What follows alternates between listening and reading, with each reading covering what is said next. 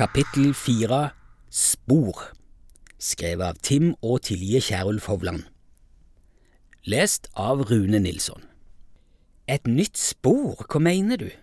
Tina så spørrende på Albert. Uh, Albert virka litt forvirra nå. Et nytt spor som uh, som ikke har noe med hundetjuveriene å gjøre, det gjelder en helt annen sak. Bli med meg, så skal jeg forklare. Albert nærmest trakk hun med seg, sånn at Tina knapt rakk å si ha det til fru Hammer. Hvorfor kommer du busende på denne måten? spurte hun irritert da de sto utenfor. Og hvordan visste du at jeg var her? Jeg kan jo se på SnapMap hvor du er henne, jeg må ikke glemme at jeg er en ganske god detektiv, smilte Albert. Ja, men du behøvde jo ikke dra meg ut av huset til fru Hammer? Tina var fremdeles litt irritert. Og hvorfor slags spor i en annen sak er det du snakker om? Det er ikke noe annen sak, Tina, det gjelder de stjålne hundene, men fru Hammer må ikke høre hva jeg har funnet ut. Jeg har undersøkt litt på egen hånd, skjønner du. Tina måtte smile. Var det ikke du som sa at denne saken bare måtte overlates til politiet? Jo, men så klarte jeg ikke la være, jeg måtte snuse litt, jeg òg, og nå lo de begge to. Ok, sa Tina, fortell hva du har funnet ut, da. Jeg har besøkt Dalane hundeklubb, og jeg har snakket med mange av medlemmene der, og en av de, Lasse Birkeland, ville gjerne prate. Det er han som eier Bamse, den siste av hundene som er blitt stjålet. Han jobber i et vaktselskap, og det er derfor han har overvåkingskamera på veggen over inngangsdøra. Og der ble Roger i 10A filma, avbrøt Tina. Men han er avisbud, han var antagelig bare ute på morgenrunden sin. Bamse ble nok tatt når han var ute i luftegården på den andre sida av huset, og der er det ikke noe kamera, fortsatte Albert. Men det Lasse Birkeland kunne fortelle, var at for ei tid tilbake så ble et medlem av Dalane hundeklubb utvist ifra klubben fordi at han ikke behandla hundene sine fint. Ja, det endte faktisk med politianmeldelse. Men hva har dette med vår sak å gjøre, spurte Tina. Kanskje ingenting, svarte Albert, men i alle fall heter han som ble utvist ifra klubben Jeppe Hammer. Han har en hvit varebil og er sønnen av gamle fru Hammer. Hva? Ropte Tina. En hvit varebil ble jo sett i området der en hund på Golan ble stjålet. Dette her kan vel ikke være tilfeldig? Begge ble stående stille ei stund og bare se tankefullt på hverandre før de begynte å gå mot Tina sitt hus. Ingen av de la merke til at halvveis skjult bak gardinet i vinduet i gangen fulgte fru Hammer med på dem med et undrende blikk. En annen ting jeg fant ut når jeg snakket med Lasse Birkeland i hundeklubben, var at hundene som er stjålet, er nokså dyre rasehunder.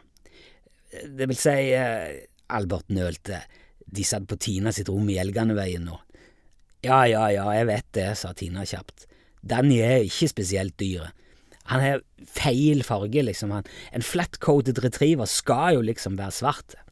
Men eh, jeg elsker Danny akkurat sånn som han er, uansett hvor farge han er på pelsen. Klart du gjør, skyndte Albert seg å si. Sannsynligvis så stjeler jo tjuvene først og fremst hunder som de vet er en del verd.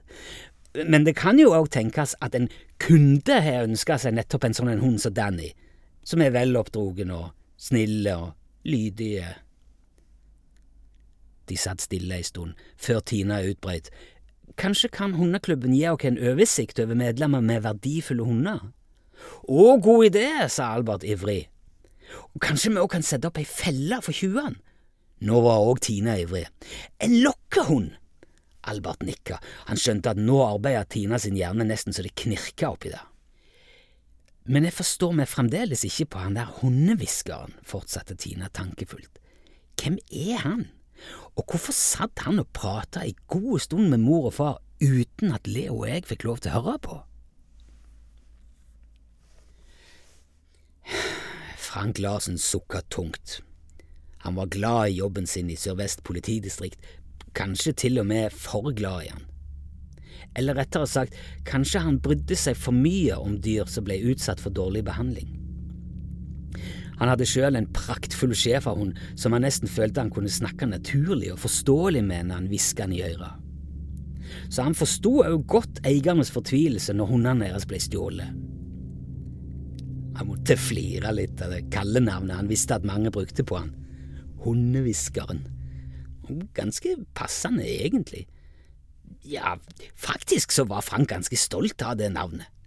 Egentlig så hadde han ferie fra prosjektet Dyrekrim nå. Og ferien hadde han valgt å legge til Steinsnes camping på Tengs i Egersund etter å ha lest i avisen om hundetjuveriene i den lille byen. Kanskje han kunne bruke ferien til noe nyttig, som for eksempel å bidra til å oppklare denne saken. Han var jo tross alt en av landets beste dyredetektiver, som de kaltes. Ja, kanskje den aller beste. Stort sett så velte han å ikke røpe hvem han var.